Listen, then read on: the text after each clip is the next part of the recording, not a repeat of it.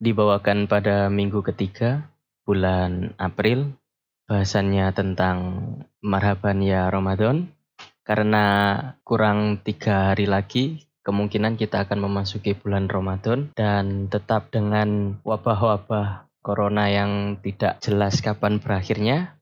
Bersama saya Alan dan selamat datang di akhir peradaban.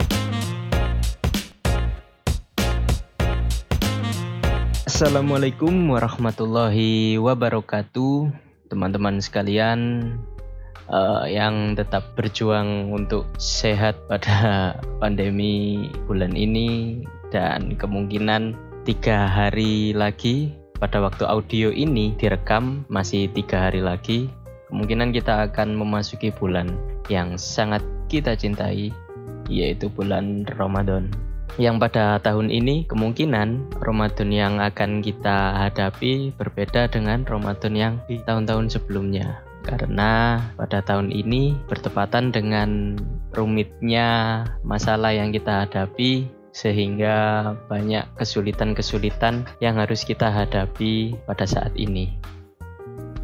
Dan bukan hanya sebatas tentang engkel-engkelan tanggal 1 Ramadan, juga bukan tentang gimana caranya mendapat uang THR, tapi juga ada beberapa masalah yang agaknya sangat aneh untuk dibicarakan.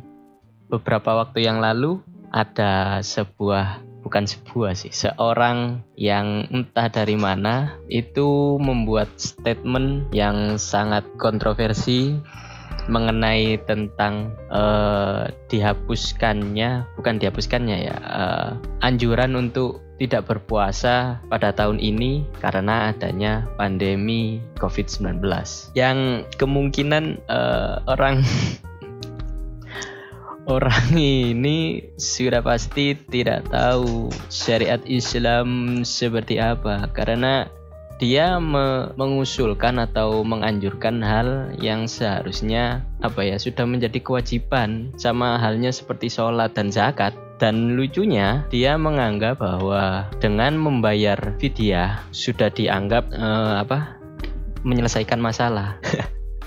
Uh, inilah yang sering dikatakan oleh uh, Miftah Maulana Habibur Rahman atau yang sering kita panggil sebagai Gus Miftah yang terkenal karena memualafkan si botak berotot Bang Deddy Kobuser.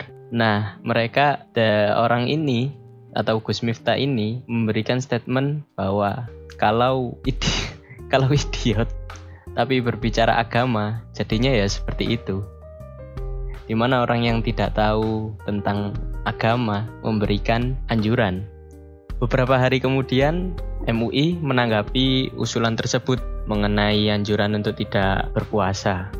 Dan menurut Profesor Hasanuddin yang menjabat sebagai Ketua Komisi Fatwa MUI menjelaskan bahwasanya usulan tersebut tidak memiliki dasar hukum dan tidak sesuai dengan syariat Islam yang sebenarnya. Sudah pasti dong. Karena ya menurut syariat Islam itu sendiri memang dikenal dengan adanya rukso atau kemudahan dalam menjalankan ibadah. Entah itu sholat, entah itu puasa, ya macam-macam lah. Nah, tapi yang perlu diperhatikan di sini adalah uh, ada beberapa golongan nah, tentang siapa aja yang mendapat rukso atau ruksah dalam puasa ini. Contohnya, bukan contohnya sih, golongan-golongan tersebut yang pertama sudah pasti orang yang sakit. Kenapa? Ya karena orang sakit kalau puasa bisa tambah sakit dong. Sudah pasti. Kemudian musafir karena ya perjalanan jauh.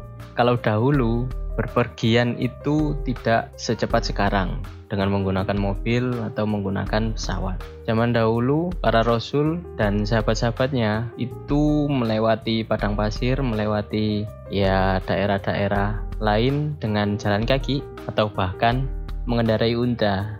Jadi antara satu daerah dengan daerah lain menempuh perjalanan hampir berhari-hari. Oleh karena itu, mereka yang disebut musafir mendapat rukso atau kemudahan untuk tidak berpuasa. Tapi harus diganti tetap diganti dengan ya hari-hari yang lain puasa selain puasa Ramadan sesuai dengan hari yang ditinggalkannya. Kemudian yang kedua ada uh, wanita yang sedang haid atau nifas. Sudah pasti karena tidak suci jadi tidak bisa ngapa-ngapain terima saja ibu-ibu. Kemudian yang ketiga adalah wanita hamil atau menyusui. Mungkin karena ketakutan akan kesehatan bayinya atau kesehatan ibunya akhirnya eh, golongan ibu-ibu hamil mendapat kemudahan dalam beribadah. Kemudian yang terakhir ada orang yang sudah sangat sepuh yang sudah sangat tua yang tidak bisa melaksanakan puasa. Ya bukan tidak tidak bisa melaksanakan sih tidak kuat. Jadi kalau puasa langsung mati itu kemungkinan kemungkinan. Nah untuk yang terakhir ini barulah dia mendapat uh, kebijakan untuk membayar fidyah atau memberi makan fakir miskin.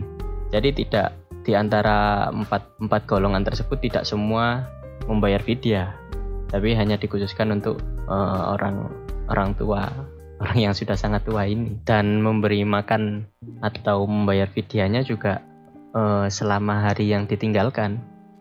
Jadi tidak satu kali gitu bikin pesta, bikin uh, apa tumpengan, tiba-tiba memberi makan satu kabupaten gitu. Enggak dong. Pun WHO juga uh, membuat sebuah penelitian bahwasanya tidak ada resiko kepada orang-orang yang berpuasa untuk terkena COVID-19 itu sendiri. Jadi di WHO sendiri juga belum ada penelitian mengenai apakah orang-orang yang berpuasa dapat terkena atau beresiko lebih tinggi untuk terkena COVID-19. Jadi tetap untuk tahun ini tidak ada alasan untuk uh, solop, tidak ada alasan untuk mokel hanya karena takut terhadap wabah COVID-19 tetap melakukan physical distancing, tidak berkumpul banyak-banyak dan meng, ya mengurangi keramaian serta uh, jaga jarak antara satu orang dengan yang lain. Kemungkinan untuk tahun ini kita tidak mengadakan buka bersama. Mantap, tidak ada buka bersama, tidak ada makan-makan. Jadi kesimpulannya adalah untuk kalian jangan mudah percaya kepada orang-orang yang tidak kompeten dalam bidangnya.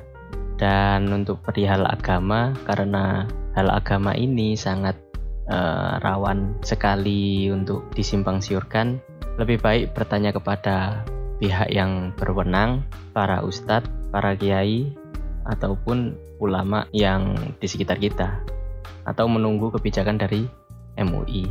Dan untuk saran pribadi, hindari mudik atau tidak mudik untuk tahun ini atau untuk saat ini ketika wabah ini masih melanda karena seperti yang kita tahu bahwa penyebaran COVID-19 ini masih sangat tinggi dan tetap awali hari ini dengan berikhtiar, bertawakal, dan selalu ingat bahwa kita berada di akhir peradaban.